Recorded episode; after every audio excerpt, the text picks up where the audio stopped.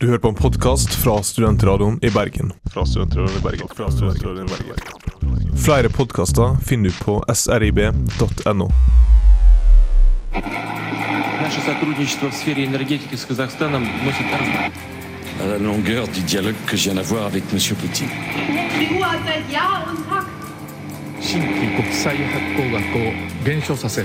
財政の健全化に向けた símbolo del fascismo en Sudamérica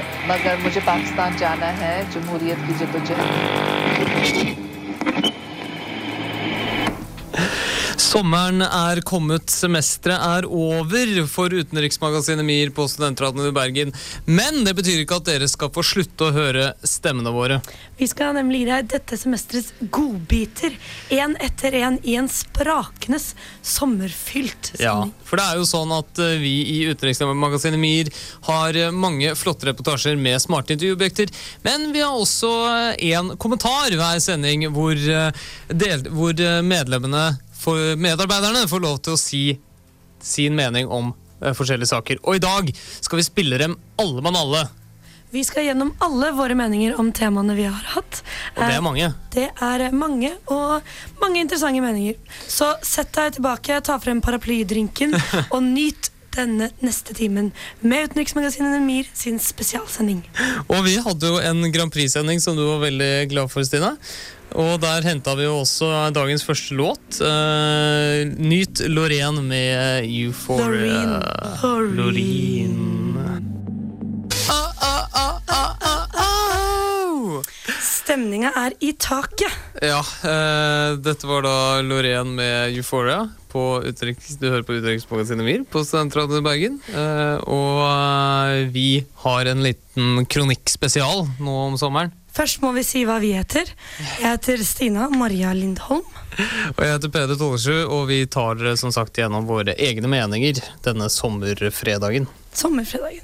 Og der hørte du akkurat uh, vinneren av Melodi Grand Prix 2012. En uh, konkurranse som ofte gjenspeiler mer av det politiske landskapet enn man kanskje tror. Ja, ikke bare det politiske, men også eh, når det gjelder seksuell ledning, legning, skal vi tro eh, vår eh, medarbeider August eh, Riise. Der går de. Promiskuøst antrukne menn, arm i arm. Sammen utgjør de en organisme, en pulserende klump av kjøtt, hvis eneste tilsynelatende hensikt er å hedre den dårlige smak. De er på vei til forspill. Dødens forspill. Jeg vet ikke hvilke substanser det flerhodede kitsch-trollet planlegger å innta, men jeg er rimelig sikker på at flere av dem er ulovlige. I kveld skal helvete i sin pureste form rulle over idiotboksen. Eurovision Song Contest. Eurovision Helvete Contest. Det 21. århundrets største internasjonale homofestival, og den holdes i Baku. Lock up your gay sons.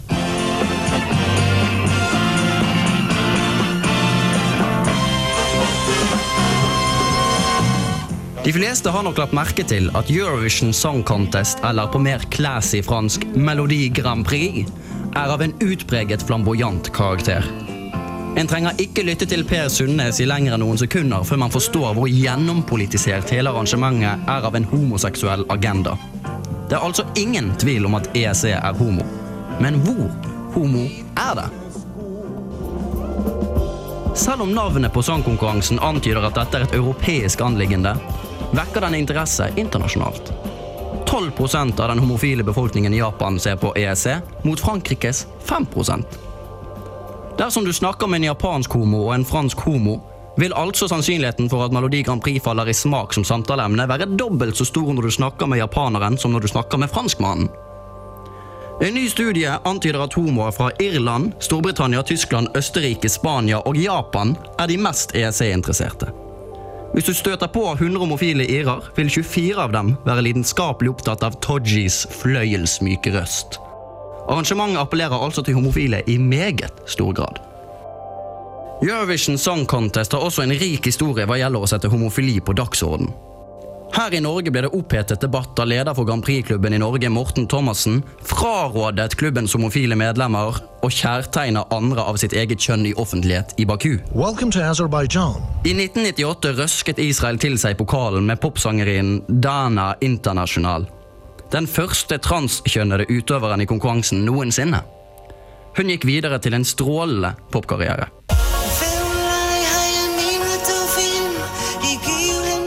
Med glitter og stas, bisarre opptredener og kommentatorer som setter TV-seeren i så intens forlegenhet at hun må gjemme seg bak sofaen, gjør Melodi Grand Prix sitt inntog i Aserbajdsjan.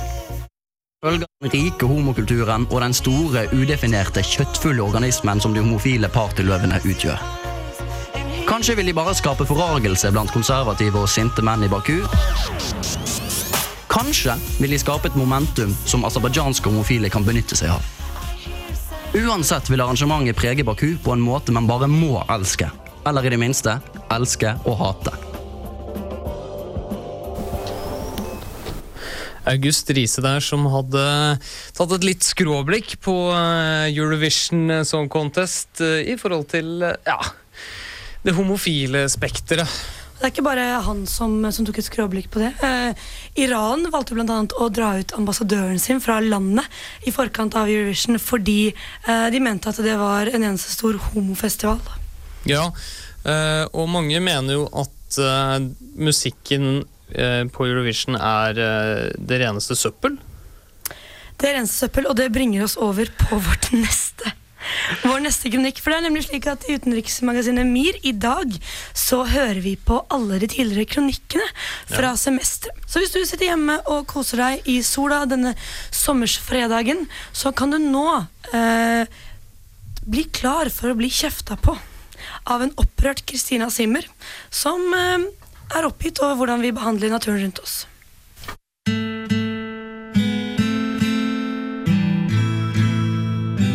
Vi konsumerer. Og vi lever i et samfunn hvor materialistiske goder har tatt kontroll over livet til folk. Ja, jeg tuller ikke, og du kjenner deg nok veldig godt igjen. Vi handler, vi bruker vi kaster. Og vi gjentar mønsteret så ofte vi føler vi må. Hele tida skal vi ha nye ting. Mat, klær, fornøyelse, hobby. Alt skal oppfylles. Og alt skal fylles opp nå.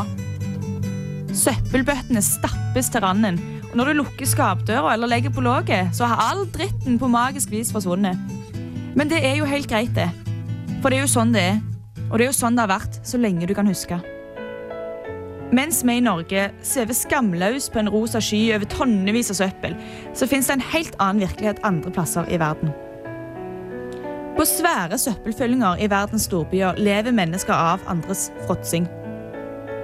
I land som bl.a. Thailand har mennesker laga seg hus og lever i og av søppel. Ja, Nå letter kanskje samvittigheten din litt. Da blir jo søppelet brukt, iallfall til noe. Men du må bare putte vekter på den igjen. For disse menneskene lever i giftige gasser, og helsefarer lurer bak enhver død hund eller i bederva mat. Flesteparten av disse menneskene velger ikke sjøl å bo i søppel, men de blir pressa ut av samfunnet hovedsakelig pga. fattigdom, og da ender de opp på søppelfyllingene.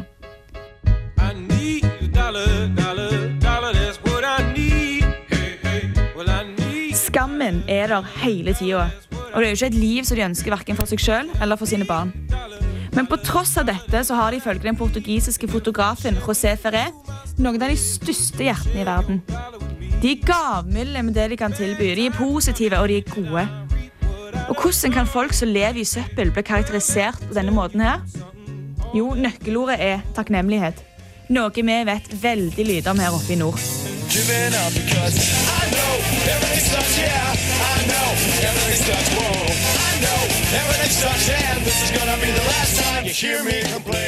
Vi klager over været, vi klager på statsledere. Vi klager på for mye arbeid, og vi klager på for lite arbeid. Takknemlighet er et ord som sjelden finner veien inn gjennom sprekkene til konsumersamfunnet.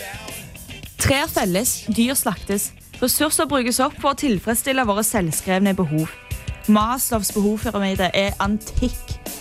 Takknemlighet forsvinner med konsum og ender opp på søppeldyngene hvor de beboende finner den. Nei, vi bruker, vi kjøper, og vi glemmer ut hvor vi lar våre genuine verdier. Takknemligheten vår flyter av gårde på en søppeløy i Stillehavet som vi vinka farvel til for veldig lenge siden. Det var Kristina Simmer som eh, kastet litt søppel på deg for at du eh, er dårlig med søppel. Men vi skal over på en, noe litt uh, hyggeligere. Vi skal nemlig spille ei eh, låt av fantastiske Julia Stone, hvor hun uh, sier tvert imot It's all okay.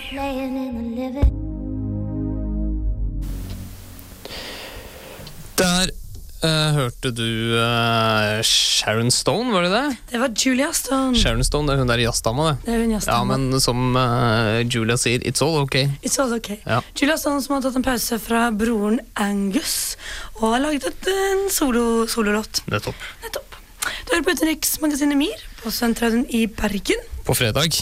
På fredag, en sommerfredag, hvor vi tar en recap på alle eh, våre beste kronikker gjennom det forrige semesteret. Eh, og i den anledning så mm, hadde vi en Ikke den anledning, men vi hadde en sending som handlet om eh, Baltikum. Stemmer. Fordi vi hadde en, en MIR-delegasjon som hadde vært og reist i Latvia og Estland. Men det var ett land som ikke ble dekket. Og da, Peder, fikk du frie tøyler til å si din mening om Litauen.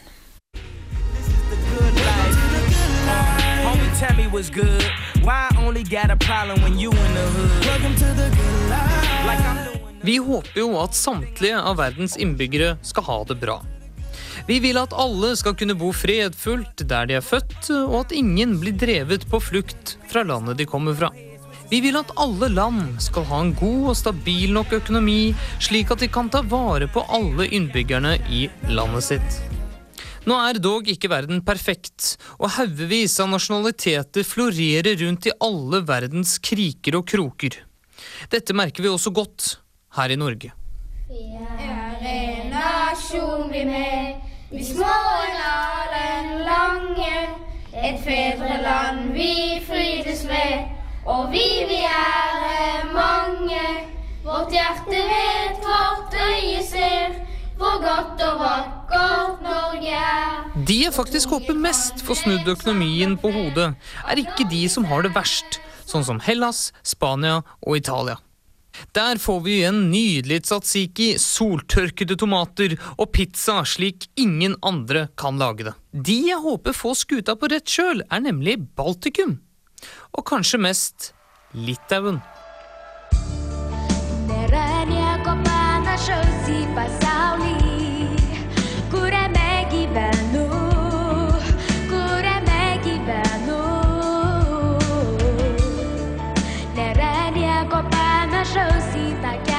Jeg er en ganske heldig guttunge, født og oppvokst på Oslos bedre side. Ingenting å frykte i nabolaget, bare hyggelige folk med brede smil. Men bak fasaden lurte det en litauisk bande i smågatene. Se for deg at du tok med deg ungene på en koselig skiferie på Beitostølen eller Geilo, og så kommer du hjem, og der har de slått til. De litauiske innbruddsbandene florerte rundt i godt møblerte hjem på store deler av 2000-tallet og knuste hjertene på små, bortskjemte unger som mistet sin PlayStation og datamaskin.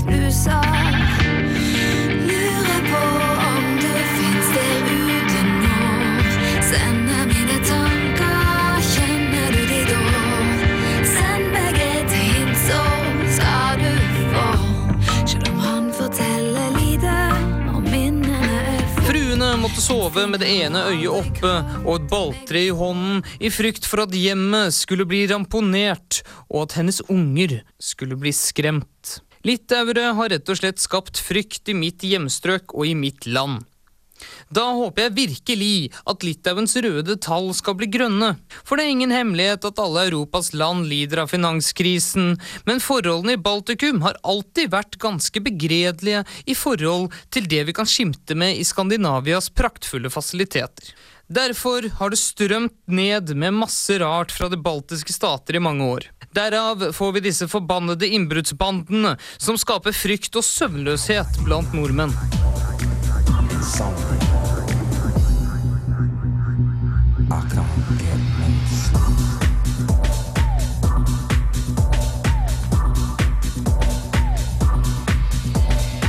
Men for all del, hver sak har to sider. Greit, det kommer kriminelle, men dette er jo selvfølgelig bare en brøkdel av baltikerne som prøver lykken i det kalde nord. Man må jo selvsagt ikke glemme de litauiske prostituerte som stiller seg rundt Akershus festning for å tilfredsstille litt ensomme middelaldrende norske menn. Flotte damer, og tjener samfunnet på sin måte. Nå har det seg slik at sexkjøp er blitt ulovlig her i landet. Så da er det bare å krysse fingrene for at noen økonomer i Vilnius finner på noe smart, og at alle litauere drar tilbake til sin familie og sitt kjære Litauen. Men uten PlayStation og laptoper stjålet fra Ola og Kari. Det sier kanskje mye om oss. At vi er så heldige at vår største bekymring er om innbruddsbander fra Litauen skal ta seg inn i huset vårt. Det er strengt tatt en grunn til at disse menneskene har flyktet fra hjemlandet sitt og dratt til Norge. De har det ikke bra hjemme og mange av disse prostituerte er ofre av menneskehandel. Men saken blir den at vi har det så godt som vi har det. Og da blir bekymringene våre mer stigmatiserende og stereotypiske. Det er rett og slett en del av dagens norske samfunn. Om det er positivt eller ikke, er i denne saken rent irrelevant. Vi lever glade dager, og gjør hva faen vi vil siden far betaler. Så vi har alt det vi trenger.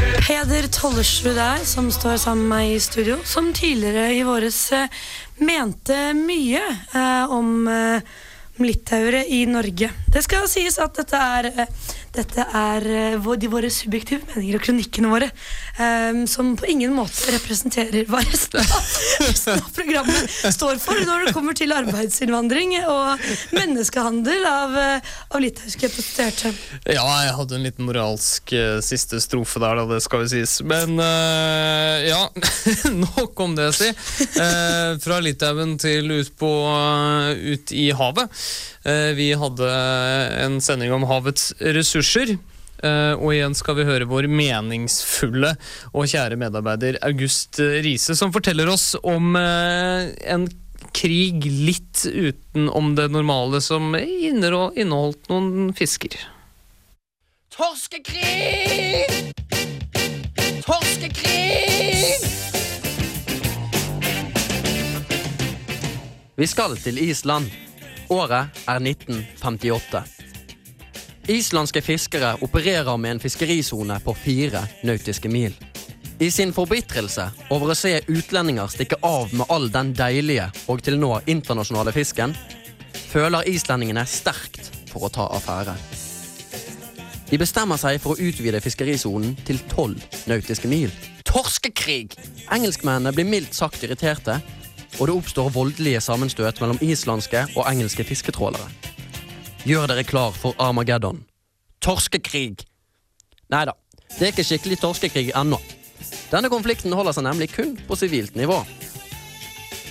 I 1961 gir engelskmenn etter, og islendingene får fiske opp all den deilige fisken de klarer innenfor tolv nautiske mil. Elleve år senere, i 1972, føler imidlertid islendingene for å servere ei skikkelig nasjonal fiskemiddag igjen, og utvider like så godt fisketerritoriet til 50 nautiske mil. Denne gangen når konflikten et toppolitisk nivå, og britene sender marinefartøyer for å beskytte sine egne fisketrålere helt inn til 12 nautiske mil fra Island. Excuse me, sir, we're having a war about cod. Men akk. I 1973 må britene bite i den sure fisken og finne seg i at islendingene finner seg til rette helt ut til 50 nautiske mil. Til tross for at britene forsøker å vise muskler med sin fjonge flåte, feiger de ut som en liten fiskebitch. Det tredje opptrinnet mellom Island og Storbritannia finner sted i 1975. Islendingene forsøker seg igjen på en frisk en bak fiskedisken. Denne gangen er det 200 nautiske mil som står på den islandske menyen. Som en gjeng demoner begynner islendingene å lage helvete for britiske trålere. Og britene svarer igjen med å sende marinefartøyer, denne gangen for å beskytte sine båter inntil 50 nautiske mil fra Island. I februar 1976 bryter islendingene all diplomatisk kontakt med Storbritannia. Torskur krigur. FN og Nato blir koblet inn. I mai 1976, ved hjelp av norsk utenriksminister Knut Frydenlund, får man forhandlet frem en avtale som i praksis gir islendingene rett til å fiske innenfor 200 nautiske mil. En krig? Men du, vi skal ikke bare ha en krig om torsk, da? Ordet torskekrig avgir kanskje komiske konnotasjoner. Og det blir kanskje ikke mindre morsomt av at det fant sted hele tre torskekriger mellom Storbritannia og Island. Men hadde det ikke vært for Islands pionervirksomhet på det maritime felt, ville man ikke hatt en like tydelig presedens for fordeling av havterritorier. Eksempelvis er det ikke sikkert at Norge ville hatt rett på oljen vi i dag nyter så godt av, hvis ikke Island hadde påtatt seg rollen som den sta lillebroren på den internasjonale arena. Aldri før har ordet torskekrig vært brukt så mange ganger i studentradioen i Bergen. Vi skal eh, over på en, eh, et annet eh, innslag. Eh, og dette her handler om Vi hørte tidligere i sendingen at Peder var oppgitt over, over litauanerne. Eh, litauerne. litauerne. Eh, men nå er det en annen folkegruppe som skal få høre, Peder. Eh, ja, vi hadde jo en sending om presidentvalget i Finland eh, helt i starten av semesteret, for det var da det var. Eh, og da bestemte jeg meg for å For å lage en kronikk om hvorfor i all verden finner er så rare.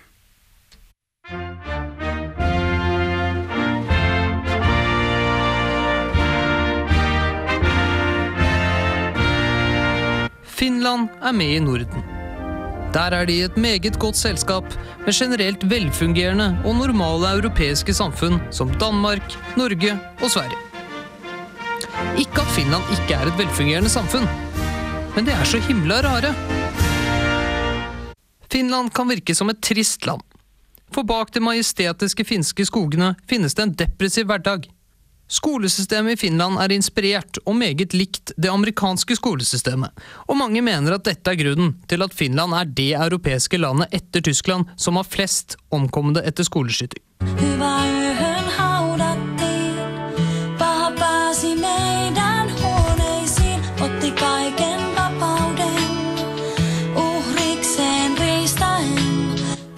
De finske ungdommene er også på toppen av listen av de som spiller mest rollespill og skytespill over internett.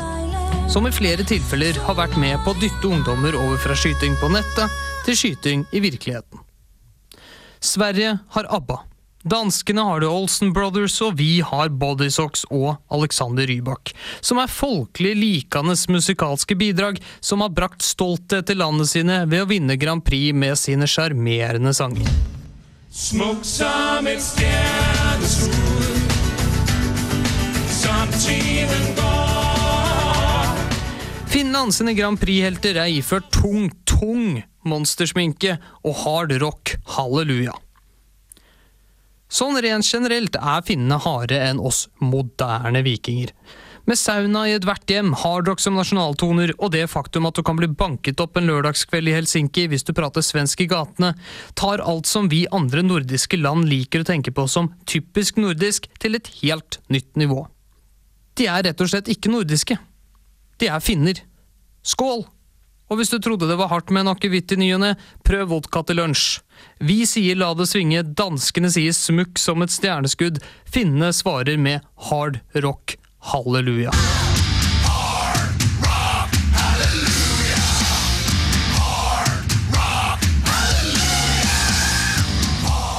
Vi skandinaver er rett og slett litt pinglete i forhold til våre nordiske naboer i øst. Kanskje å være okkupert av Sovjet har satt igjen et arr. Et arr som minner dem om hvor harde de egentlig er. De har beseiret den russiske bjørn i en vinterkrig. Man skulle tro at vi nordmenn som var født på ski på beina, skulle være hardest på snø. Niks. Der er også finnene overlegne. Det eneste stedet Finland er veldig nordisk, er nå med dette mye omtalte presidentvalget. For det er typisk nordisk å være verdensmester i likestilling, og nå har De grønnes presidentkandidat gått videre til neste runde. Han er åpent homofil, og Finland, som hadde verdens første kvinnelige statsleder, kan igjen komme seg opp på toppen av likestillingsbarometeret. Tett etterfulgt av Norge og Lysbakken, da, selvsagt. Finnene er også flinke til flere ting som derimot er veldig unordisk. De fleste idrettsheltene i Finland er enten dopet opp til sin skjeggete hals, eller så full og glad i narkotiske stoffer og alkohol at de gjerne til slutt blir kjent mer for sine byturer enn sine idrettsprestasjoner. Eneste unntaket er vel at Finland er verdensmester i ishockey. Stor kudos til Finland.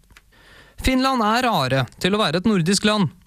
Men Finland er vel heller den utagerende broren som prøver å gjøre alt annerledes fra sine eksemplariske søsken, og ender opp med å brenne kirker. Språket deres i seg selv er vel noe som får den allmenne finne til å ikke føle noe særlig nordisk tilhørighet på samme måte som de tre bestevennene i Skandinavia føler. Det er i bunn og grunn ikke Finland som er rare. Finland er finner. Og alt som kommer med i den splitter pine gale pakka. For å avslutte på ekte finsk, Rock'n'Roll Angels bring thin hard rock hallelujah.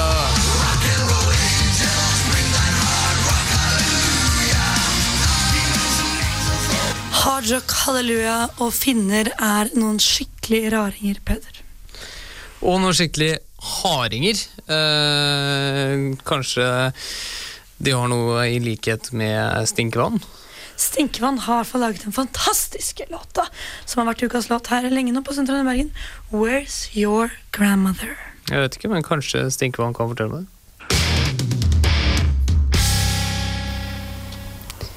Stinkevann ga deg der Where's Your Grandmother? Ja, Vi lurer veldig på hvor hun er, og det kan ikke jeg fortelle. Uh, hvis du ikke fant ut der. Men uh, vi har hatt og mange seriøse temaer i uh, dette halvåret som har gått i Utenriksmagasinet Utenriksmagasinet MIR. Vi hadde bl.a. en sending om religion og politikk hvor vi tok opp mange aspekter ved dette. Kanskje tidenes bredeste tema. Men vi lot nå i alle fall Magnus Bergøy få synse litt rundt hva som skjer når man blander religion og politikk. Ja, om det er riktig å blande. Do we want a candidate who is a good, moral person? Or do we want a candidate who is a born again follower of the Lord Jesus Christ? Rick Perry is a proven leader. He is a true conservative and he is a genuine follower of Jesus Christ.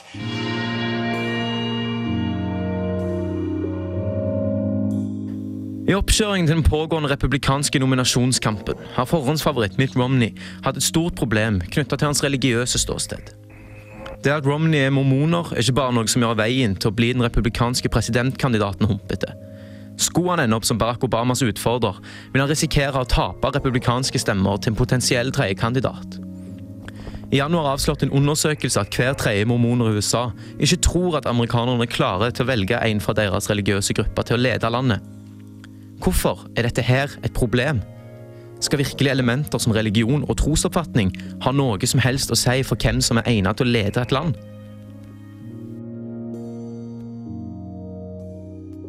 Det å være religiøs innebærer i den enkleste formen å tro på noe utenfor det fysiske. I denne sammenheng er det som oftest en gud man tror på. Og med dette søker man som regel å leve etter den moralen og de reglene Gud har satt.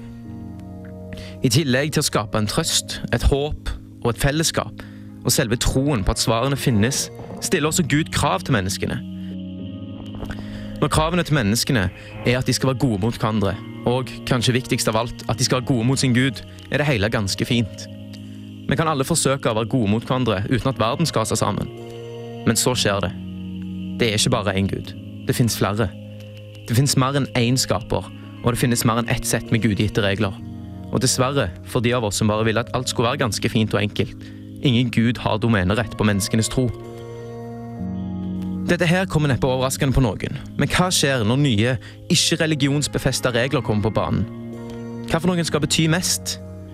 Hvordan kan grunnlovsfedre og -mødre ha mer etos enn selveste Gud? Det går ikke. Det er helt umulig. Og selvsagt har den Gud som har dyrket ukentlig, mer autoritet over oss enn regler oppfunnet av mennesket.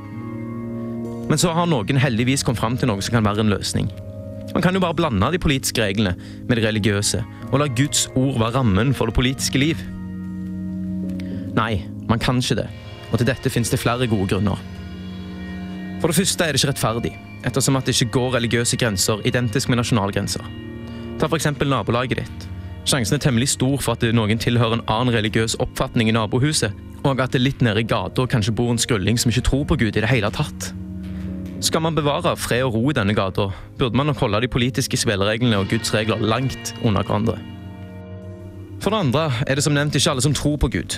I en tid hvor politiske partier skal representere meninger og holdninger i samfunnet, bør religion som er så omstridt og så diversifisert, ikke ha noe som helst å si for politikken. Religion og tro skal selvsagt respekteres, men de skal enkeltes ikke-religiøse eksistens respekteres på akkurat den samme måten. For det tredje vil det ikke være mulig å skape et internasjonalt klima for samarbeid og for diplomati om hver stat skulle representert ulike trosoppfatninger. Kristne stater ville sikkert funnet tonen, men hva med de stakkarene som ingen liker? Og med det stikkordet kommer vi tilbake igjen til USA og Mitt Romney.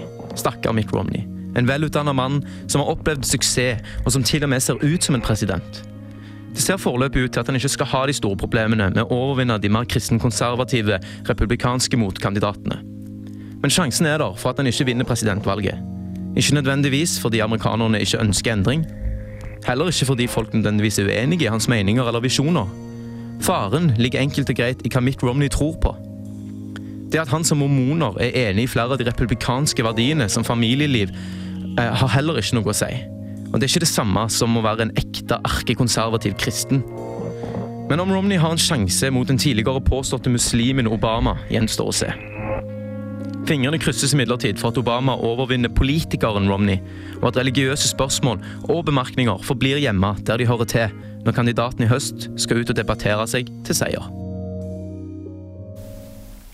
Magnus Jan Ove Berge, vår kjære medarbeider som hadde satt seg litt inn i eh, religion og politikk, forholdet der, og eh, sett spesielt da på Mitt eh, Romney. Vi hadde for så vidt også en, en sending om Supertirsdag før semesteret. En knakende morsom nattsending hadde vi om Super Tuesday. Ja. Og til høsten så blir det mange flere. Da skal jeg annet reise ned til Washington og dekke valget for utenriksmagasinet MIR. Det gleder vi oss veldig til, eh, Stina.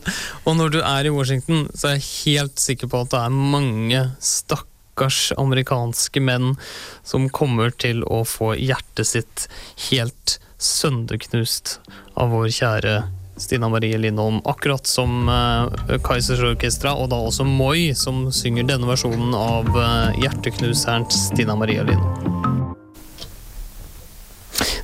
Det var uh, Moi som hadde hjerteknuser, som vi alle vet at vår kjære Stina har vært, er og kommer til å være i lang tid fremover.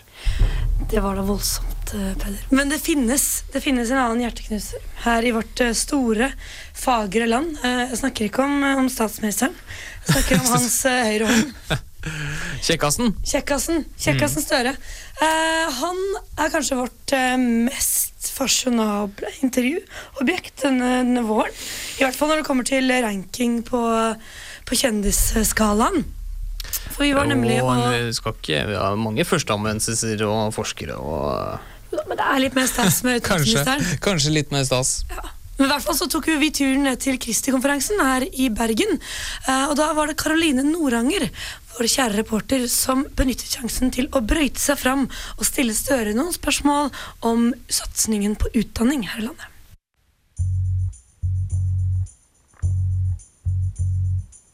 Globaliseringen fører med seg nye utfordringer for Norge. Fremadstormende økonomiske makter benytter seg av mobiliteten ny teknologi fører med seg. De henter inn forspranget vi Vesten har hatt til nå.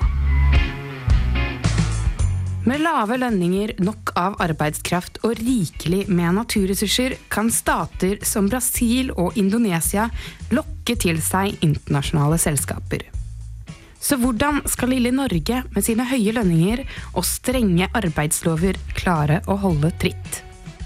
Bare, det er ikke bare ett spørsmål og ett svar, men det jo, henger jo sammen med mange ting. Altså, Siden vi er på universitetet nå, så handler det om at vi klarer å utvikle eh, fremragende kunnskap. Rekruttere mennesker til å ville satse på kunnskap. Utenriksminister Jonas Gahr Støre trekker frem utdanning og forskning. Han mener denne må være i verdensklasse for at Norge skal kunne kjempe om kapp med de nye stjernene på den økonomiske stjernehimmelen. Utdanning for alle er en av grunntankene i det norske samfunnet. Alle skal ha samme mulighet til å ta utdanning uavhengig av bakgrunn. Alle kan ikke gå på universiteter, men at det, er en, at det er en lyst på kunnskap og fornyelse og arbeid i landet vårt.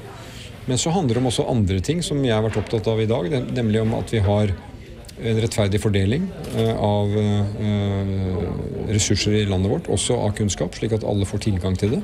Det, det er viktige beslutninger som ligger langt utenfor universitetene i og for seg, men som har med økonomisk politikk og mange andre politikkområder å gjøre. Og så handler det også om det feltet jeg er ansvarlig for, utenrikspolitikk. Altså å markere Norge på områder hvor eh, vi kan påvirke med den kunnskapen vi bl.a. får fra universitetene. På noe av det jeg arbeidet med, eh, global helse, som handler om å bidra til helseutvikling i, i, i de fattigste landene, så har jo dette universitetet mye fremragende, fremragende kompetanse som vi har kunnet trekke på direkte i slike samarbeid. Det er eksempler på at vi kan koble både politikk og, og, og universitet. Politikken og universitetene må jobbe sammen, hevder altså utenriksministeren. For Norge kan ikke kjempe imot tidens strømmer. Den globaliserte verden er kommet for å bli. Så hvordan står det til med det norske utdanningssystemet? Norge er på verdenstoppen i ressursbruk innen høyere utdanning.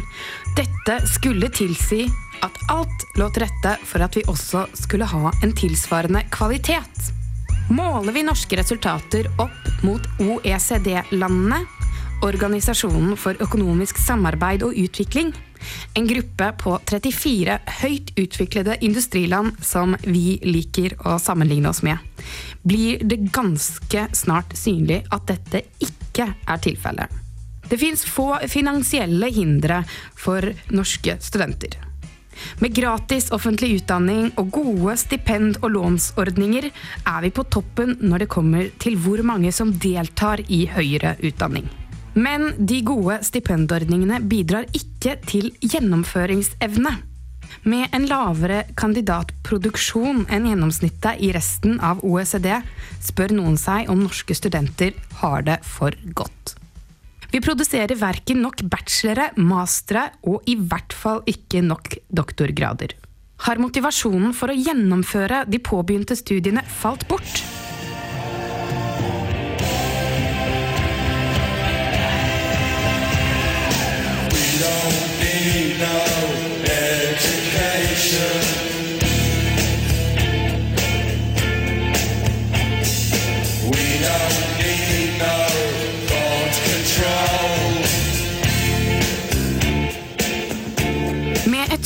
Godt arbeidsmarked og velstandsnivå som det vi har i Norge i dag, er det lett å tenke at vi studenter kommer til å klare oss bra uansett.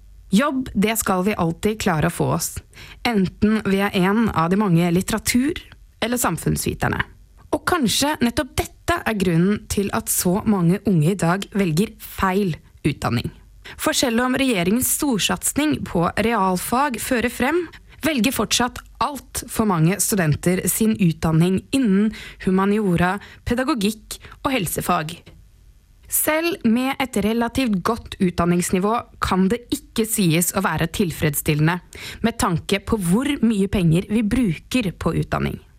Hvis Norge skal henge med i verdenskappløpet, er vi, som Støre sa, nødt til å satse på utdanning og forskning. Men denne forskningen må også være relevant. Det er et faktum at Norge har behov for ingeniører. At vi har behov for naturvitere, og at det trengs kunnskap innenfor biofagene. Dette betyr at studenter som kommer etter oss, enten er nødt til å velge mer med hodet, eller oppleve at norsk kompetanse sakker akterut, til fordel for land hvor studenter velger utdanninger for fremtiden. Karoline Victoria Noranger som eh, hadde tatt en bitte liten prat med Jonas Gahr Støre og stilte seg kritisk til dette med utdanning i Norge generelt. Vi er jo alle eh, et produkt av at vi har valgt samfunnsfag og politikk. Eh, Ja, iallfall her i Utenriksmagasinet. Ja. I Utenriksmagasinet, ja. Så da kan man spørre seg om eh, det er oss Norge trenger, eller om det er noe helt annet.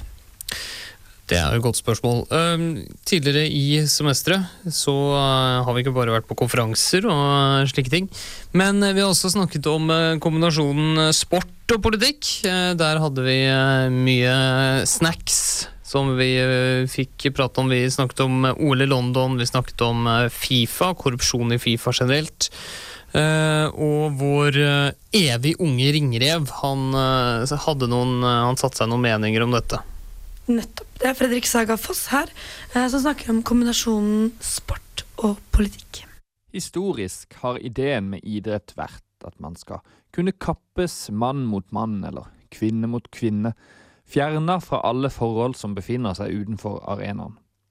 Idealet om den fredelige kappestriden mens krig og konflikter raser utenfor, er som skapt for festtaler og tom retorikk. Dette finner man også igjen i den velbrukte floskel man skal ikke blande idrett og politikk. Der politikken slutter, der begynner idretten. Slik har det aldri vært. Siden idrettens opprinnelse har utøverens oppgave ikke bare vært å løpe fort eller kaste langt, men også å være en slags manifestasjon av et helt folk. Lite er så identitetsskapende og nasjonsbyggende som en seierherre som vinner for oss alle, og lite er så politisk brennbart som denne nasjonsbyggingen. Idretten er ikke et fristed for konflikt. Det er en miniatyrversjon av ethvert forhold som måtte eksistere på utsida av stadion. I antikkens olympiske leker hendte det seg at de beste atletene ble bestukket av rivaliserende bystater til å representere de, da det var viktig for disse bystatene å vise at de raskeste og sterkeste, jo, de kommer herfra. Utøverne bar et helt folks stolthet på sine skuldre. Dette er en politisk dimensjon som er inherent i idrettens vesen. Man kan ikke gjøre noe med det, folk har alltid hatt et behov for å samle seg rundt helter og idoler. Denne dimensjonen gjør idretten til en ekstremt potent arena for politisk aktivitet, og ethvert politisk regime eller gruppering vil være fullt klar over dette. Dette kan gjelde utøveren, altså seieren til Joe Louis over Max Schmeling i 1938 var langt mer enn en seier i bokseringen, men det gjelder også selve arrangementet. Større enn konkurransen i seg sjøl er potensialet til å vise fram sin nasjons storhet gjennom en grandios fest der hele verden er invitert. Slik OL i Berlin i 1936 passer perfekt som et nazismens utstillingsvindu, var Beijing-OL i 08 en utmerka anledning til virkelig å lansere Kina som en økonomisk verdensmakt. Dette er ikke nødvendigvis negativt. Klarer man å utnytte idrettens samlende egenskaper, kan man langt på vei bidra til forsoning og brobygging. Tysklands samlede VM-gull i 1990 var et godt bidrag i sveiseprosessen mellom gamle øst og vest. Og på samme måte kan man gjennom idretten utøve et kraftig politisk press, det være gjennom boikott, utestengelser eller andre mer eller mindre radikale virkemidler. Poenget er nettopp å gjenkjenne idrettens politiske dimensjon, og kunne identifisere nettopp de tilfellene denne dimensjonen aktivt blir brukt. Så tett og naturlig integrert idretten og politikken er, blir det meningsløst å kaste rundt seg med floskler som at de to ikke skal blandes. Entrer vi arenaen med en slik holdning, vil man automatisk stille seg disponibel til å bli brukt til ethvert politisk formål som måtte ligge under. Og innser vi ikke dette, har vi tapt før vi har løpt en meter. Fredrik Sagafoss der, eh, som snakket om sport og politikk. Du hører på utenriksmagasinet MIR på Studentradioen i Bergen denne sommerfredagen. Sommerfredagen, og vi har gått gjennom kronikkene vi har presentert i alle sendingene dette semesteret. Det har vi. Vi har eh, bl.a. guidet deg gjennom eh, våre meninger rundt eh, homofile Melodi Grand Prix i Baku. Vi har eh, gitt deg en pekefinger og kjennepreken om uh, hva du gjør med søppelet ditt. Og du, Peder, har hatt uh, mangt som meninger om uh, folk fra Litauen og Finland. Ja, det har jeg. Både om innvandrings- og utvandringspolitikk og litt økonomi, og igjen litt Eurovision, da. Eurovision. og vår eminente August Riise, vår eh, nye medarbeider for eh, året, han eh, har gitt oss uh, toskekrig. Mye, mye fremmedord i den, den kronikken der. Aldri hørt før. Masse torskekrig. Det, ja, det var det viktigste du trengte å med deg, var at det var mye torsk og mye krig. Og vi har også hørt Magnus Janove Bergøy, min hjerteknuser, fortelle om forholdet mellom religion og politikk. Ikke minst så var det Karoline Noranger der som hadde intervjuet eh, Jonas Gahr Støre i forbindelse med satsingen på utdanning i Norge. Og avsluttet ballet, det gjorde ringreven Fredrik Hedlevær Sagafoss, som snakket om eh, sport og politikk. Nå er sommerfredagen med utenriksmagasinet MIR over. Nå er den over. Men til høsten er vi tilbake med nye, ferske sendinger om utenrikspolitiske snaddergodbitstoff. Og mange nye meninger, helt sikkert. Definitivt. Ja. I studio i dag så har jeg, Stina Maria Lindholm, sittet. Med Peder Ekblad Tollersrud. uh, hvis det er noe du lurer på i for forhold til programmet, eller uh, noe lignende, kan du sende mail til umiralfakrøll uh, srib.no. Hvis du kjeder deg i ferien, så anbefaler jeg alle å gå inn på srib.no og sjekke ut podkastene som ligger der på podkastsida vår, og da spesielt kanskje Utenriksmagasinet Mir sin podkast hvis du er interessert i utenrikspolitikk. Vi må huske å takke vår eh, produsent eh, Ingvild Grenstad, sammen med egentlig alle medarbeiderne i Utenriksmagasinet MIR, siden de aller fleste har vært med på å gi oss to noe å gi dere lyttere i denne sendingen. Og med det så sier Ja, vi, vi må kanskje huske å si at eh, etter oss så kommer uh, Venstreparty, som skal eh, gi oss eh, noen likestilte uh, meninger. Og eh, vi benytter anledningen til å ønske alle en riktig god sommer. Og vi eh, håper dere hører på oss neste semester på gjenhør. Du hører på en podkast fra Studentradioen i Bergen. Fra Studentradioen i Bergen. Fra Studentradioen i Bergen. Flere podkaster finner du på srib.no.